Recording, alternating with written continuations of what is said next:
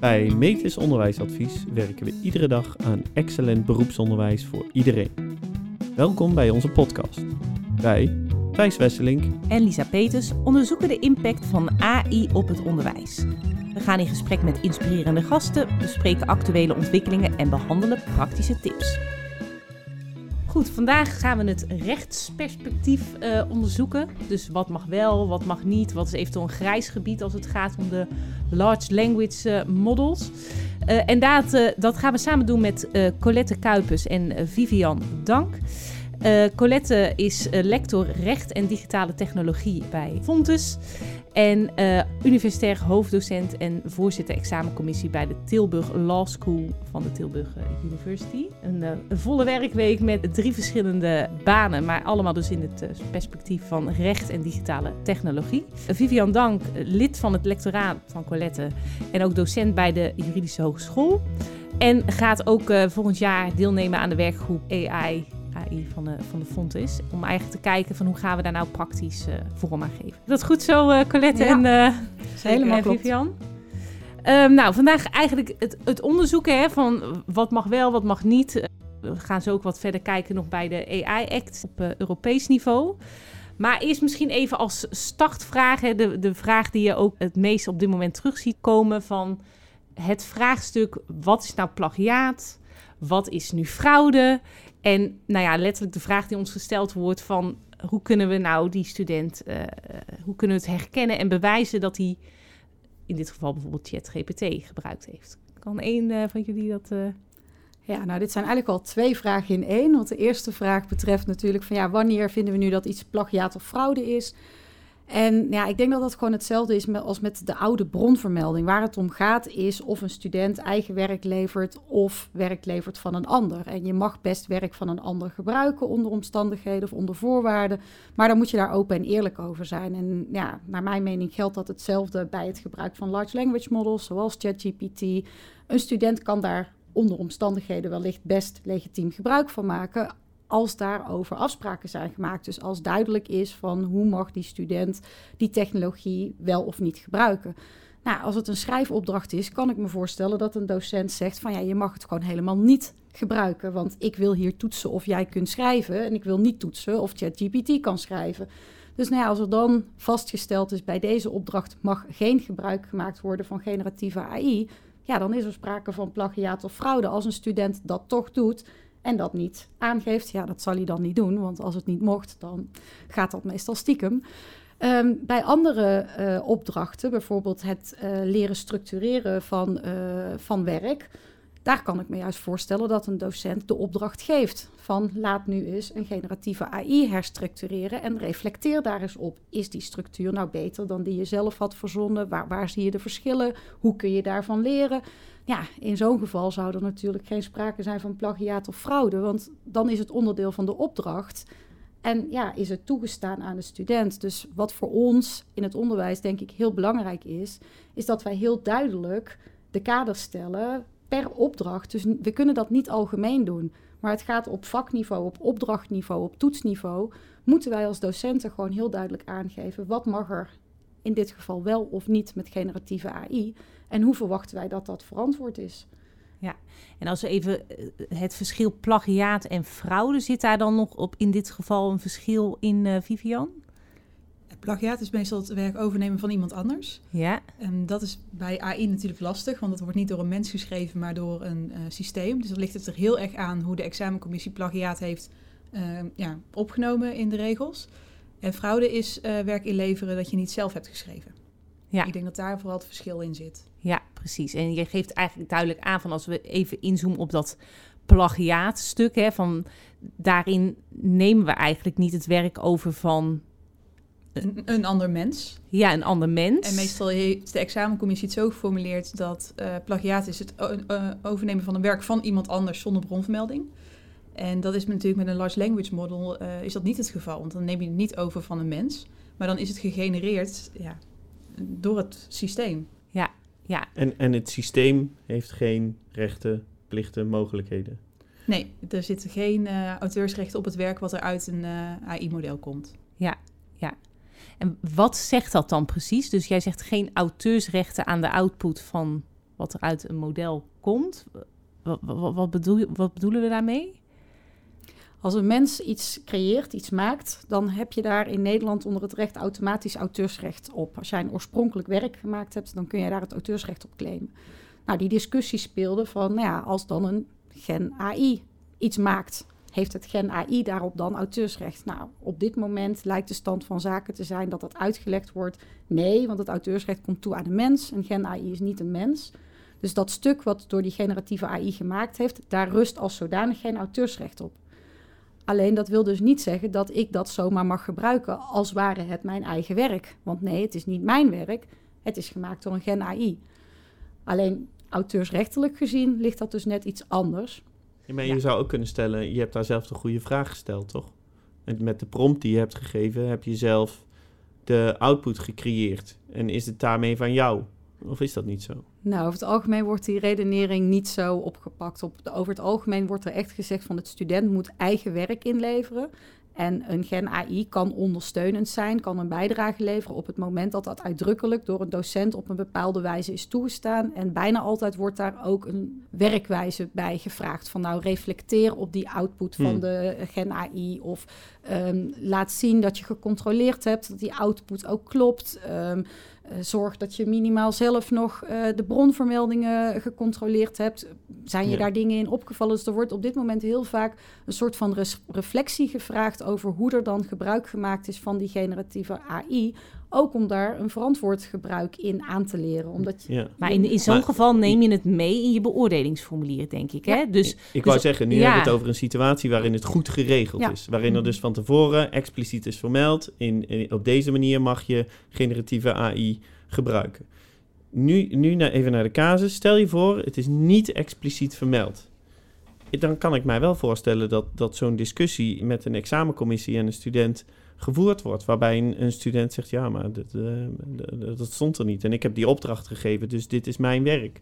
Wat denk je dat daar de consequenties van zijn?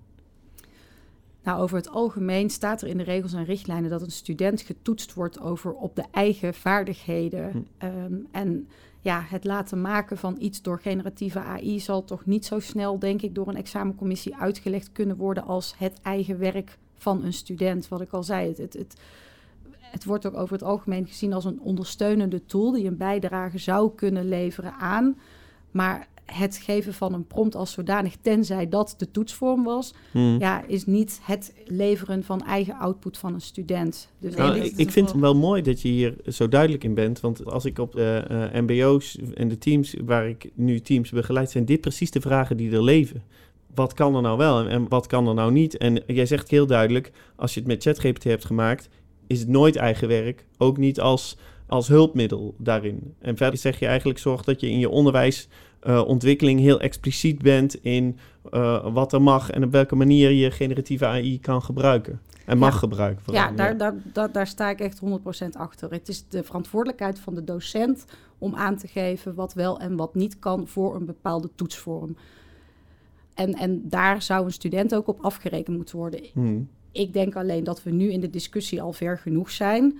Eh, dat is dan ook in het, in het recht van, ja, als we het er allemaal over eens zijn, dat we nu in de discussie al wel dusdanig ver zijn dat we het werk van een generatieve AI niet zien als het eigen werk van een student. Mhm. En ik denk dat daar al niet meer zoveel discussie over mogelijk is. De discussie over hoe we dan AI op een goede manier in ons onderwijs in gaan zetten en juist daarvan kunnen leren en dat het een bijdrage gaat leveren aan het leerproces van studenten, Hmm. dat vind ik heel belangrijk. Maar daar moeten we dan wel goed de spelregels over afspreken. Nou, want zeker. dan kom je wel in dat grijze gebied van Ja. als het wel onderdeel mag zijn van een opdracht, dan moet duidelijk zijn op welke wijze dat dat Ja. mag en ja, hoe dat, dat getoetst wordt. Of en zo ja, hoe het onderdeel is van de toetsing en waar het dan niet meer geoorloofd is. Want dat moet voor een student wel duidelijk zijn. Kijk, als er niks aangegeven is in een situatie en als er niks staat over het gebruik van generatieve AI en een student levert werk in als ware het van zichzelf. En het wordt gedetecteerd van, nou, dat is AI. We hebben een aantal hele grappige voorbeelden gehad waar de prompts nog in stonden. Dat de Ja. student het stuk met prompt en al inleverde. En dan claimde, ja, dat is mijn werk. Nou, ja, daar gaat de examencommissie dan toch niet mee akkoord. Dan is het toch echt van, nee, dit is niet jouw eigen werk. Dit is werk van generatieve AI. Ehm, nou, en meestal staat het ook gewoon al in de omschrijving. Er mag geen gebruik gemaakt worden van externe bronnen. Mhm. Ja, en dan is een generatieve AI natuurlijk net zo goed een externe bron als dat het internet dat Ja. is of dat een boek dat is. Dus nou, als er eh, ja, in de regels en richtlijnen staat, tenzij anders vermeld, mag er geen gebruik gemaakt worden van externe bronnen. En we komen dan een werk tegen waar de prompts nog in staan. Ja. Ja, dan is er gewoon sprake Nou, van fraude. Je, je geeft wel een, eh, een mooi voorbeeld. En wie onze podcast al, al een tijdje volgt, eh, wij, wij roepen eigenlijk al een jaar op om verder te komen dan het fraudeperspectief. Hè? Om, om te kijken hoe kun je er nou mee leren, hoe kan het je helpen tijdens het leren. Maar toch merken we dat, dat op de scholen waar, waar, eh, waar wij komen, dat dat fraudeperspectief eigenlijk nog de grootste urgentie is. En wat tegelijkertijd de blokkade is voor veel, voor veel docenten en voor veel teams en voor veel instellingen om, om het echt te omarmen. Dus de, de duidelijkheid die, je daarmee geeft, ik denk wel dat dat veel eh, examencommissies en docenten kan helpen met een hele concrete tip. Zorg ervoor dat je er expliciet in bent. eh, met, datgene wat je van die student verwacht, zodat de, de richtlijnen en het gebruik ook duidelijk daarin is. Ja, en dan ben ik wel nieuwsgierig, hè, want de vervolgvraag is dan: oké, eh, je moet aantonen dat je eigen werk is. En willen in dit geval dat je niet ChatGPT gebruikt, maar we willen dat je dat authentiek zelf doet. En als je dan dus een slimme student bent die niet de hele prompts enzovoort in eh eh, meekopieert, dan kun je het op dit moment niet aantonen. Dus dan is het enkel een vermoeden wat je kan hebben. Als je een beetje de gebruik van maakt van de chatbots, dan herken je soms ook wel. Of je denkt, schrijfstijl. of je denkt, nou, dit is wel heel hoog niveau voor wat ik kan verwachten van die student. Heb je dan iets in handen als examencommissie of eh, Vivian? Nou, dat is heel lastig, eh, want er zijn inderdaad nog geen betrouwbare detectiemodellen. Eh, wat ik zelf heel veel zie, is een verschil in schrijfstijl.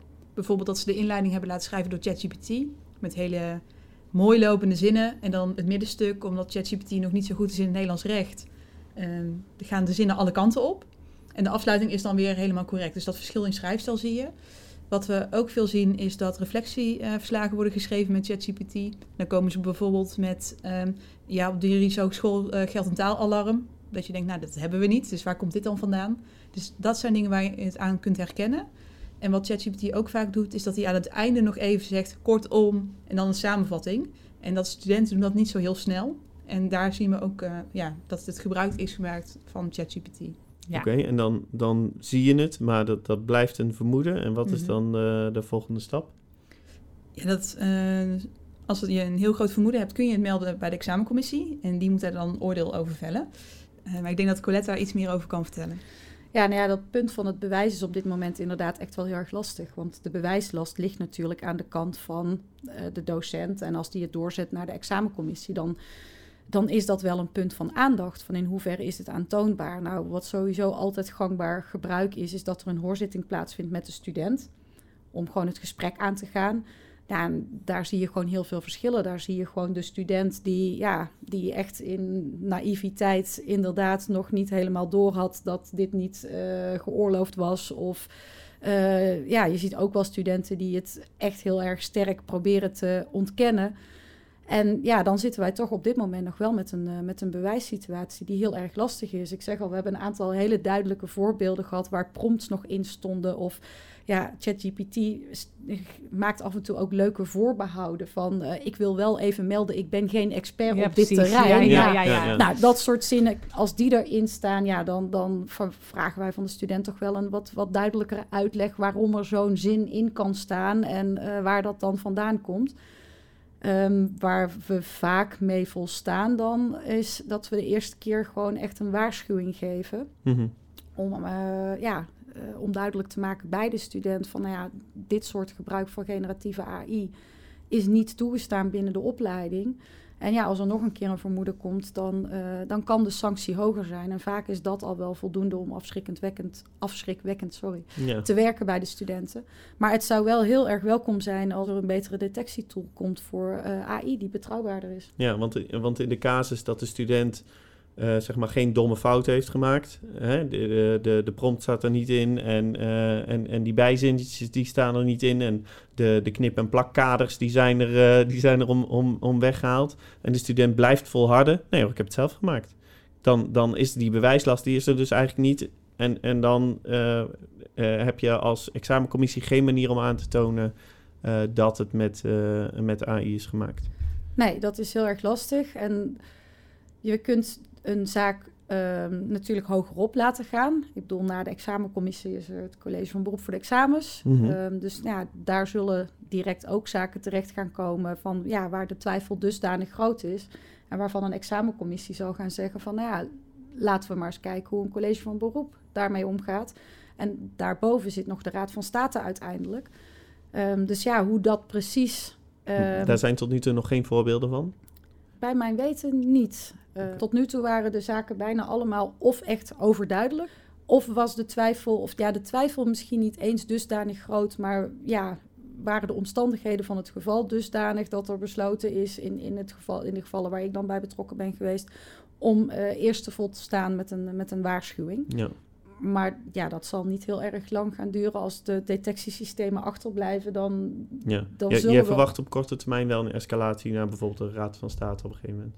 Ja, dat denk ik wel dat dat op een gegeven moment gaat komen. Want voor ons moet ook duidelijk zijn van ja, wat, wat zijn dan onze bewijstools om aan te kunnen tonen. Het is voor een docent natuurlijk ook heel frustrerend als je eigenlijk toch wel heel erg ervan overtuigd bent van dit is niet het eigen werk van de student. Omdat er geen detectietools zijn, dat er dan niet heel veel meer met de melding wordt gedaan dan een waarschuwing bij de student. Moet ik wel even aangeven, een waarschuwing is wel al een officiële sanctie, komt in het dossier van de student. En wanneer er nog een keer sprake is van, een, eh, van fraude of plagiaat, dan wordt er een extra sterke sanctie opgelegd, omdat het dan eh recidive is. Dus het is voor een student ook niet niks om Ah, een waarschuwing te Dat is krijgen. wel een, Ja. dat is wel een goede eh, nuancering. Ja, want wat Ja. maakt dit dan anders dan het internet? Nou, het, de mogelijkheid dat studenten hier dus ook beter van kunnen gaan leren. En ook wel de. Het is een beetje vergelijkbaar misschien met de discussie die we jaren geleden hadden over eh grammatica-controle Ja. en spellingcontrole. Ja. Daarvan werd in het begin ook gezegd dat het fraude en plagiaat was. Nou ja, we Hmm. zijn nu inmiddels op het punt dat een docent zegt. eh, Waardevol jeetje, hulpmiddel. ja. ja. eh, Doe niet zo dom en zet in ieder geval die plagiaatcontrole en die spellingcontrole aan. Dan is je werk beter. Nou ja, dat is natuurlijk een situatie waar je met die generatieve AI ook naartoe zou willen. Ik bedoel, het taalgebruik van de nieuwe generaties is nou niet altijd dat ik denk van... Hmm, als we dat gaan accepteren als maatschappij, hè, dat, dat, dat je Hmm. mogelijk juist die generatieve AI kan gebruiken om eh, betere teksten te schrijven. Ehm, maar dan gaat het erom van wat en hoe wil je testen bij een student en, en waar Ja. en hoe zet je die generatieve AI in als, als leermiddel, als hulpmiddel, als ondersteunend middel en waar wil je eigen skills en vaardigheden toetsen. Dus dat zul je heel duidelijk aan moeten geven. Ik had zoiets van, nou, ik ben naïef als ik denk als ze het niet willen gaan gebruiken. Dus ik heb bij mijn vak gezegd, je mag het gebruiken, maar als je het gebruikt, dan wil ik dat je een verslag schrijft hoe dat je het gebruikt hebt. Dan wil ik dat je in dat verslag aangeeft hoe je de resultaten die eh, de generatieve AI eh, gegeven heeft, hoe je die ehm, Geïnterpreteerd Ja. hebt. en, en hoe je daarop gereflecteerd hebt, van waarom je dit bepaalde dingen overgenomen hebt of bepaalde dingen anders gedaan hebt. Ik wil dat je heel erg goed en secuur kijkt naar de bronvermelding, want het gaat gewoon heel erg vaak mis bij generatieve AI. Ik wil dat je daarop reflecteert en dan kun je het gebruiken. Nou, ik heb van de 26 studenten, nu heeft daar eentje het gebruikt. Ja, het is echt bizar als je gewoon aangeeft Ja. als je laat merken dat het net zoveel werk is als ze het wel gaan gebruiken, dan wanneer ze het niet gaan gebruiken, omdat ze. Ja, ehm, maar wat je eigenlijk vraagt als je hier vanuit lerend perspectief naar kijkt, wa- wat wij vaak aangeven is dat je in een expertpositie moet zitten om te kunnen beoordelen of dat de output van generatieve AI of, de- of dat die waardevol is. Ja. En eh, in, in het leerproces wat je probeert te faciliteren, wil je eigenlijk dat studenten in een expertpositie komen. Dus kan dit een prima middel zijn om dat diep leren in je les of voor je vak te faciliteren.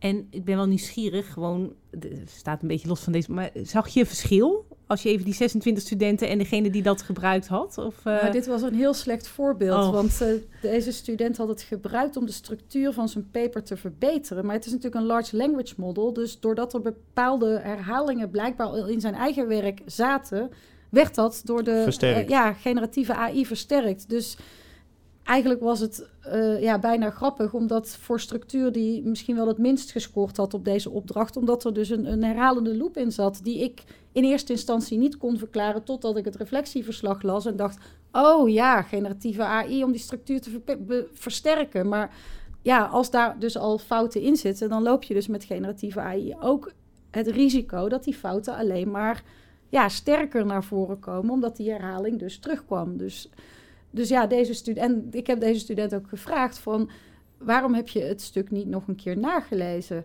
Ja, en dat was dus zo'n stukje naïviteit van hoe ga je om met generatieve AI. Ja. Ja. het vertrouwen in de technologie van ja, maar ik heb toch de vraag gesteld om de structuur te verbeteren. Dus, dan doet hij dat toch ja, wel? dan, ja, dan, doet het dan- het dan, ja, dan is Ja. dus de output van die AI. Nou, en dat denk ik dat dat ook een superbelangrijk leerproces is voor studenten. Dat ze niet gaan twijfelen aan hun eigen kennen en kunnen, omdat ze erin gaan geloven dat de technologie het beter kan. Nee, de technologie kan jou ondersteunen, maar jij bent nog altijd degene die, ja, hopelijk na het afronden van de opleiding of gedurende de opleiding, ja, de kennis en de ervaring heeft om, om kritisch te reflecteren op wat er uit die AI komt. Ja, maar dat moeten we studenten wel leren om in die expertpositie te komen. Want ik denk omdat veel scholen nu nog vooral zitten in, in eh, een, een stukje fraudeperspectief. Gewoon door, doordat collectieve kennis vaak ontbreekt over hoe je het in kunnen zet, zou kunnen zetten. En dat een waardevol hulpmiddel zou kunnen zijn tijdens het leren. Eh, leren we studenten dus ook nog niet hoe dat je er goed mee, eh, mee om moet gaan. Nou ja, en dat, dat is denk ik wel iets heel belangrijks voor de toekomst. En dat is ook waarom Vivian in die werkgroep AI ook zit. En waarom ik daar zelf ook ja, bij aan blijf haken. Omdat ik bij wil blijven van wat gebeurt er. Ik bedoel, ChatGPT is natuurlijk een, een, een algemeen large language model. Ja, wij zitten in het juridische domein. Daar gaan gewoon specifieke large language models komen... die puur getraind zijn op Nederlandse wetgeving. Die puur getraind zijn op Mhm. Nederlandse rechtspraak. Dus die modellen worden straks beter, die specifieke modellen... dan de algemeen getrainde modellen. Ja. Dus dan is het voor mij als ja, docent, onderzoeker binnen dit vakgebied belangrijk om bij te blijven van ja, wat kunnen die AI straks wel, wat kunnen ze niet? En, Ja. en ook wat verwacht straks het werkveld? Want daar kunnen we ook niet blind voor zijn. Ik bedoel, als er straks hele goede modellen komen, dan gaat een werkveld ook verwachten dat onze studenten daarmee om kunnen gaan. Ja. Want ja, dan moet een advies niet meer vijf uur duren omdat het compleet zelf geschreven is. Nee, want ja, Ja, als dan, een advies dan moet dat dan gewoon in drie sneller... kwartier kunnen. Ja, maar ja, dan worden dus wel inderdaad andere skills en vaardigheden worden belangrijker. Dat wordt nu al door degene die echt de voorlopers zijn geroepen van ja, we moeten onze studenten echt leren goed te prompten. We moeten onze studenten leren hoe ze factchecken. We moeten studenten leren hoe ze eh, de bronvermeldingen na moeten lopen en eh, nieuwe methodologieën om te zorgen dat de AI niet te veel op, ja, op bepaalde getrainde data en ja, bepaalde databronnen dan... Kijk, van ChatGPT was op een gegeven moment bekend dat het tot 2021 of zo ging. Ja, Ja. dat was ook onder studenten heel snel rond. Van, oh, wacht, Ja. we moeten dus het internet nog wel even gebruiken... voor de dingen die na 2021 zijn gekomen. Ja, inmiddels is het april, april 23. Oh, is het inmiddels Hij april hij is 23? bijgewerkt. Hij, inderdaad. en hij Ja. schuift door. Hey, eh, En Lisa. eh, ook op oh, op letten ja. trouwens, eh, dat er best wel een bias kan zitten in de out- eh, output van ChatGPT. Als je ChatGPT in het Engels vraagt om een stuk te schrijven over een hairdresser en een eh, flight attendant en een dokter. De dokter wordt een man en de flight attendant wordt een vrouw. Ja. Eh, dus dat zijn ook van die biases waar je wel op moet letten in de output. Ja, zeker, zeker. Oké, Eh, ik wilde even, even de stap maken naar, de, naar iets waar wij zelf heel weinig verstand van hebben. En, en eh, jullie, jullie wel veel verstand van hebben. Dus daar wilden wij nog wat, eh, wat over vragen. Over de AI, Act. Precies, ja. Ja, ehm, en, en eh, hier is denk ik gewoon goed om bij het begin te beginnen. Want hier, heb ik een paar keer iets over in het nieuws gezien. Maar kunnen jullie eens vertellen, wat, wat is de AI Act Ja, en waartoe als- dient, dient die? Een st- stukje introductie hè, van wat wij ook iedere keer in onze workshops zeggen van het is een cowboylandschap op dit moment nog. Hè? Dus eh, eigenlijk mag er van alles, er zijn geen regels. Totdat nu dus die AI-act er is. En dus ik denk wel goed even te kijken van wat, aan wat voor regels ben je als gebruiker of als onderwijsinstelling of als maker van een chatbot eh, gebonden. Ja, even een kleine misvatting eh, is dat er helemaal geen regels zijn. Je moet natuurlijk wel al, er is al privacywetgeving waar je aan moet houden. Er is al auteurswetgeving waar je aan moet houden. Dus er was al wel wat regelgeving. Maar de, Wil, wil je daar even mee beginnen? Dus Ja. welke regels waren er al wel? Wa- Waar, waar had je je al aan Moeten houden. Ja. moeten houden? Ja. Ja. Nou, je hebt natuurlijk eh, de AVG, de Algemene Verordening Gegevensbescherming. Ehm, eh, die regelt al het een en het ander over het gebruiken van persoonsgegevens. Wat mag je wel doen, wat mag je niet doen. Die gelden natuurlijk ook eh, voor AI-systemen. Dus die regelgeving die was er al. Dus wat mag je niet doen? Een product van een student met, eh, of gegevens van een student. Invoeren in een eh, AI-model, dat mag bijvoorbeeld niet. Nee. Je mag ook geen eh, stukken van studenten invoeren om het met ChatGPT bijvoorbeeld na te kijken. Ja. Dus dat soort dingen zijn al niet toegestaan. En dat mag niet vanwege de AVG en de auteursrechten. Klopt. En, Ja. en auteursrecht, waarom niet? De student heeft het werk geschreven, dus die heeft daar ook het auteursrecht op.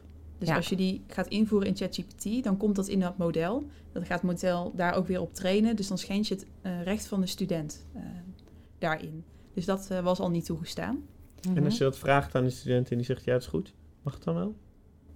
Dan, dat weet ik eerlijk gezegd niet zo goed. Ja, op zich wel. Op Een zich student wel, kan... Ja. Ja, het is, het is de vraag beetje- is ja. in hoeverre die vrij is om die toestemming te geven. Ja, maar hier kun je denk ik wel weer een. eh, kijk, we laten het ook toe dat die eh, stukken gecontroleerd worden op plagiaat. En daarvoor Ja. moet het systeem. Moet het, dus er is wel een belangenafweging tussen het belang van de student en het eh, belang van, van het onderwijs. Om te kunnen controleren, juist of er sprake is van eigen werk van studenten. Eh, maar op dit moment, omdat die modellen zitten nog, eh, eh, ja, daar is nog niet zo heel veel transparantie over wat ze precies allemaal met die data doen. Die zitten veelal met Amerikaanse bedrijven op de achtergrond. Dus op dit moment wordt van die organisaties gezegd van ja, omdat we daar nog geen één op één contractuele relaties mee hebben als onderwijsinstellingen om te waarborgen dat zij ook op een valide manier omgaan met ja, de die input data, die ja, wij in zo'n systeem zetten, wordt er nu gezet van ja, zo'n open systeem als ChatGPT, als dat nog niet gelicenseerd is door een onderwijsinstelling om juist te gebruiken als, want dat kan natuurlijk in de toekomst wel gaan gebeuren, dat we ook licenties af gaan sluiten met partijen die AI wel beter kunnen detecteren. Ja, dan, dan zit daar wel wat beweging in dat speelveld. Maar op dit moment, omdat die contracten er nog helemaal niet liggen met onderwijsinstellingen, ehm, ja, wordt er nu gezegd van nee, dan, dan zit je echt in een schending van auteursrechten en in een schending van eh, eh, dataprotectierechten van, eh, ja, van de studenten, omdat dan hun eigen werk, maar ook hun ehm, persoonlijke gegevens eh, ja, doorgegeven worden naar een andere partij, waarvan wij te weinig zicht hebben wat die andere partij dan precies met die gegevens gaat doen. Oké, En daar dus ook geen controle over hebben, omdat we daar geen contractuele relatie mee hebben als Ja. onderwijsinstelling. Ja. helder. Dus Dus, dat- ja. AVG en auteursrecht, dat is iets wat er al was en wat we eigenlijk gewoon toe kunnen passen op, met de, kom- op de komst van de AI. Zijn er nog meer dingen waar we op dit moment eh, al rekening mee dienen te houden als het gaat om het rechtsperspectief? Ja, er was laatst wel een mooi eh, stuk geschreven door Dirk Visser, omdat er over die auteursrechten best wel wat eh, Mhm. discussie is van hoe werkt dat nu. Daar, daar gaat een, een bepaald, gaat vooral om beeldmateriaal dan. Ja. Je hebt natuurlijk ook beeldgeneratieve AI. Ehm, en er was best wel veel discussie over van gaan daar nu de originele beelden in als trainingsbeelden of niet, want daar gaat nog een technisch sausje over. Dus ja, en ik vond dat stuk, eh, Dirk Visser heeft daar een stuk over geschreven. Die heeft gewoon gezegd van ja, los van het auteursrecht, het is gewoon een onrechtmatige daad om die beelden te gebruiken zonder dat je daar de eigenaars van gecompenseerd hebt. Dat is gewoon iets wat, ja, los van die hele technische discussie, ja, wat in onze eh, Ja, maatschappij gewoon algemeen aanvaard is van ja, dat, Ja, dat je, doe je niet. Dat je mag is, niet zomaar iets van een ander Nee, gebruiken. Nee, juist, precies. Dus, dus, ja, de- want de technische discussie is bij wijze van spreken van ja, die foto's zo- zijn zo uit elkaar gerafeld. Ja. Dus de foto aan zich wordt niet meer als informatie, maar de pixels of de onderdeeltjes uit die foto. Eh, en daar merk je nou ook een beetje discussie over. Hè? Want mensen zijn ook druk bezig om die systemen zo te hacken dat ze hun output eh, uit die. eh, wat, zit, wat zit er dan precies in die datasets? En daar zijn volgens mij nog wel de een en ander aan rechtszaken op Ja. dit moment, hè? Wat loopt, toch? Als Ja, ik, ja. in Amerika. Ja. ja, kan je daar v- voorbeeld, wat, wat voor... Zijn er me- mensen die een bedrijf als ChatGPT aanklagen? Of, eh, Ja, er zijn eh, verschillende eh, auteurs en eh, kunstenaars eh, geweest die bijvoorbeeld Midjourney hebben aangeklaagd. Die ChatGPT of OpenAI in dit geval dan eh, inderdaad hebben aangeklaagd van ja, laat maar eens even zien hoe je dan mijn werk gebruikt hebt om jouw model te trainen. En die willen daar uiteraard compensatie eh, voor. ja, ja, ja. Oké, dus dit, dit was een beetje de huidige situatie. eh. Maar, maar nu is er die, het, het concept, het is volgens mij nog niet helemaal in kannen en kruiken, maar die AI Act, Ja. wat is het precies? Ja, dat is een Europese verordening. Dus die wordt gemaakt door de eh, Europese Commissie, het Europese Parlement en de Europese Raad gezamenlijk. En als die regels er zijn, gelden ze voor de hele Europese Unie. En het doel van die AI-act is ehm, om eh, de burgers onder andere te beschermen. maar ze moeten bijvoorbeeld ook verantwoording afleggen voor het milieu. Want heeft, genera generatieve AI heeft natuurlijk best wel wat impact ook op het milieu qua stroom en qua watergebruik. Dus daar komen allerlei regels voor. En hoe hoger het risico van het systeem is, hoe zwaarder de maatregelen zijn die je mag nemen. En er zijn, voor zover ik weet, nu vier risicocategorieën. Je hebt eh, AI die volledig verboden wordt. Die mag je dus niet gebruiken. Dan heb je de hoog uh, risico. Je hebt een aparte categorie voor generatieve AI. En je hebt de lagere risico's, waar alleen transparantie geldt. En als je dan kijkt naar de verboden bijvoorbeeld, dan kun je denken aan social credit score, zoals in China wordt gebruikt. Dat mhm. wordt bijvoorbeeld verboden. Dat mag in Europa niet op de markt komen. Ja, dus... ja even het voorbeeld daarbij is, wat, als je um, uh, door een rood stoplicht loopt en je, uh, je hoofd was in beeld, dat je vervolgens een lagere hypotheek kan krijgen omdat je je niet aan de afspraken van een land houdt. Dat is zo'n social credit score, toch? Ja, ja en eigenlijk hè, als je even naar, bekijkt naar het schoolsysteem, ik zag zo'n filmpje op LinkedIn ook voorbij komen dat je gewoon bij wijze van spreken een soort van koptelefoon hebt, camera's op je gericht in een schoolklassetting, uh, waarbij gewoon leerlingen op dat moment non-stop gevolgd worden in... Zijn ze afgeleid? Hoe lang zijn ze geconcentreerd met een taak bezig? Eh, eh, valt dat daaronder? Moet je dat zo zien? Ehm, ik weet niet of het precies onder die valt, maar er is ook een uh, verboden um, om bijvoorbeeld emotieherkenning in het onderwijs in te hmm. zetten. Dat is ook niet uh, toegestaan. Ja, dus eh, Vivian, je hebt nu twee minuten ben je naar buiten aan het kijken. Uh, je bent niet geconcentreerd bezig. Nee, dat is inderdaad, uh, dat, uh, ik denk dat het ook al onder de AVG niet zou mogen. Maar onder de AI Act mag het inderdaad ook niet. Ja, precies. Oké, helder. Laten we hem eens verder doorlopen. Dus je gaf net aan van er zijn meer... Nou, die, die, die vier risicoklassen mm -hmm. ging het over. En je zei net uh, een beweegreden daarvan uh, is, is uh, impact op het milieu. maar in die risicoklasses die, die je noemt, dat, dat, gaat, dat gaat verder dan milieu, toch? Denk ik. Klopt, dat gaat ook over democratie. En dat die gewaarborgd blijft. Dat mensen niet zomaar worden blootgesteld aan AI-systemen die van alles van hen vinden. Um, dus er zijn een aantal dingen echt uitgesloten. Um, en, en, en, waarom zou de democratie nu door deze act gewaarborgd blijven? Of beter beschermd of beter beschermd worden? Nou, het idee is natuurlijk dat uh, eh, AI tot enorme manipulatie kan leiden. Ik bedoel, de, de discussies over filterbubbels en over het manipuleren van stemgedrag. En nou ja, AI kan daar ja, een nog grotere impact op hebben. En dat is één. Dus over, was overigens ook wel in het verleden een van de kritiekpuntjes op de AI-act. Dat de AI-act eigenlijk te veel zou inzoomen op het belang van individuen en de bescherming van individuen van de maatschappij. Terwijl juist dit soort effecten van, maar wat is het effect van AI op onze maatschappij? Op het democratisch gehalte van onze uh, maatschappij. Omdat ja, misinformatie, disinformatie, deepfakes. Ja, um, ja een het, enorme... het, collectieve belang werd eigenlijk onderschat. Ja, ja, Dat, dat was door sommige um, uh, organisaties die zich bemoeid hebben in de lobby rondom de AI-act... was dat een van de punten van kritiek. Van we moeten niet alleen oog hebben voor de impact die AI heeft op het individu... en op de schade die AI kan berokkenen aan het individu als we daar niet op een verantwoorde manier mee omgaan, zoals die social scoring of die emotieherkenning of uh, ja, wat doet dat met, het, met de positie van het individu en hoe wordt het individu daarin geschaad ten opzichte van ja, misschien wel een te groot vertrouwen in wat de output van die technologie is, want ja, dat is natuurlijk ook nogal mm ja, voor discussie vatbaar. Ik bedoel, als de technologie zegt dat ik mogelijk eerder een fraudeur ben, klopt dat dan wel? ik bedoel, die hebben we natuurlijk uh, echt heel erg uh, aan de lijve ondervonden, die vraag. De toeslagaffaire. Ja. ja, ja. Dus, um, dus daar, um, daar is veel aandacht voor, voor, voor dat individu. Maar er zijn heel veel belangenorganisaties die zeggen... we moeten ook heel erg bewust omgaan met die bredere impact... die AI-technologie binnen de maatschappij op het collectief kan hebben.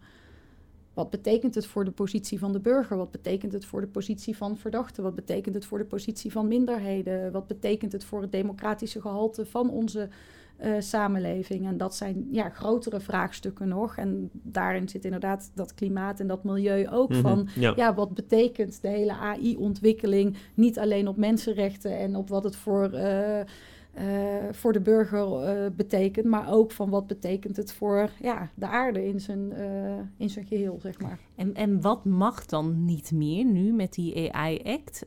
Want ik, ik, ik begrijp wat je bedoelt, ik zie die impact zelf ook. En die kan ik me voorstellen dat het ook niet altijd wenselijk is. Maar wat, wat zijn dan voorbeelden wat nu niet meer... Ja, moet, moet ChatGPT en, en uh, Google en Meta... Uh, maken, die, maken die zich nu zorgen dat, ze, dat die tools niet meer gebruikt kunnen worden? Of, of gaat, daar, gaat daar echt iets in veranderen? Ik probeer het even super concreet te maken. Ja, die generatieve uh, AI-systemen die krijgen een eigen risicocategorie. Die zitten een beetje tussen hoog en laag in, een soort middencategorie. Uh, en die krijgen een aantal uh, extra vereisten waar ze aan uh, moeten voldoen.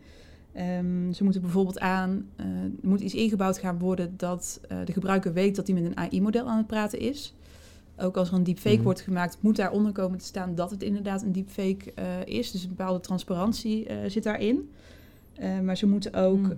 allerlei een risk assessment doen, dus de risico's van tevoren inschatten. Ze moeten uh, wat opener zijn over hoe het model getraind wordt. Dus er komen wat extra uh, regels voor hen. Ja, oh, dat ja, ligt ja. eigenlijk wel in het verlengde van die, van die rechtszaken die dus ook gevoerd worden. Eh, betekent dat dat zij die, die trainingsset transparant moeten, moeten maken? Ik weet niet of ze de hele trainingsset transparant moeten maken, maar ik denk dat ze vooral uh, duidelijk moeten zijn op de, de wijze waarop ze gaan trainen. En welke data uh, niet uh, gebruikt is, welke data wel, hoe ze omgaan met biases, hoe ze dat proberen te Wat voorkomen. de regels zijn, de boundaries. Waar, hè, ja, de vangrails. De vangrails, uh, ja, ja, precies. Oké, okay. en het is alleen al interessant eigenlijk in het licht van plagiaat en fraude waar we het nu over hebben. Van letterlijk met beeldmerken moet je, komt er dus straks gewoon te staan van uh, gemaakt door een AI-model. Um, dus bij wijze van spreken in een uh, museum komt er in plaats van een zwart uh, handtekeningetje wat nu ge gemaakt wordt, omdat het gewoon heel veel op die plekken handtekeningen gezet zijn, komt daar bij wijze van spreken straks... Uh, ja, meet bij OpenAI. Meet bij OpenAI. Ja, ja. ja en, en, en bij tekst? Daar geldt, daar geldt het ja. voor. Dus alle generatieve AI moeten daar, krijgen transparantieverplichtingen. En dat is dan inderdaad van, voor de ontwikkelaars van de AI en de aanbieders van de, van de AI. Maar voor de generatieve AI wordt ook heel sterk benadrukt van hoe het gebruikt wordt, mm-hmm. kan bepalend zijn in welke uh, risicocategorie het gebruik vervolgens valt. Hmm. Want andere partijen kunnen natuurlijk die generatieve AI voor bepaalde doeleinden gaan gebruiken. Juist, ja. Het, en... is, het is niet alleen maar van de oorspronkelijke ontwikkelaar. Nee. Dat, dat vindt zich in de maatschappij op duizend wegen. Ja. En, en daar heeft iedereen zijn verantwoordelijkheid in ja. te nemen. Dus, dus ja, dus... Uh, ja, voorbeelden zijn bijvoorbeeld in recruitmentprocessen. Daar hebben we het al een paar keer over gehad van het gebruik van AI. Nou ja, als je daar een puur zonder menselijke tussenkomst een systeem, dus selectie van een kandidaat zou laten maken. Nou ja, dat. Uh, dat kan met daarvan, deze wet niet meer. Nee, daarvan zegt deze wet van nee, dat biedt onvoldoende garanties. Er moet in ieder geval sprake zijn van menselijke tussenkomst om dusdanig belangrijke beslissingen mede te nemen. Dat mag nooit puur op basis van een systeem zijn. Het systeem kan fouten maken. Er moet een bepaalde ja. mate van controle zijn. Ja, predictive policing is natuurlijk, voorspellende politieactie is natuurlijk zo'n onderwerp uh, ja, wat heel erg ja. ja. in strijd is met onze onderliggende concepten van... En, en dat is vrij vertaald, mogelijk crimineel gedrag kunnen we voorspellen op, ja. met behulp van algoritmes. Ja. ja, en deze kan je natuurlijk ook wel vertalen naar het onderwijs. Want wat jij dus aangeeft van uh, um, uh, geen we mogen nooit een beslissing maken zonder de menselijke component erin. Ook al zeggen we straks tegen studenten van wij maken gebruik van een methode of een, een model. En daar mag straks input van studenten ingezet worden om na te kijken. Kan het nooit zo zijn dat je daadwerkelijk de beslissing neemt zonder daar zelf een menselijke component in te stoppen. Ja. ja. Het mag gebruikt worden ter ondersteuning, maar het mag nooit gebruikt worden ter vervanging van de menselijke beoordeling. Nee, de mens zit aan het eind van het ja. proces en die, heeft eindverantwo- die is verantwoordelijk. Wanneer uh, gaan we aan deze regels onszelf uh, moeten houden? Nou, er is nu een, uh, een concepttekst, die moet nog wel over gestemd worden in het Europees Parlement. En ook alle lidstaten moeten het daarmee eens zijn. Dat is waarschijnlijk een formaliteit, maar dat moet nog wel gebeuren. Daarna moet die vertaald worden in alle talen van de Europese Unie.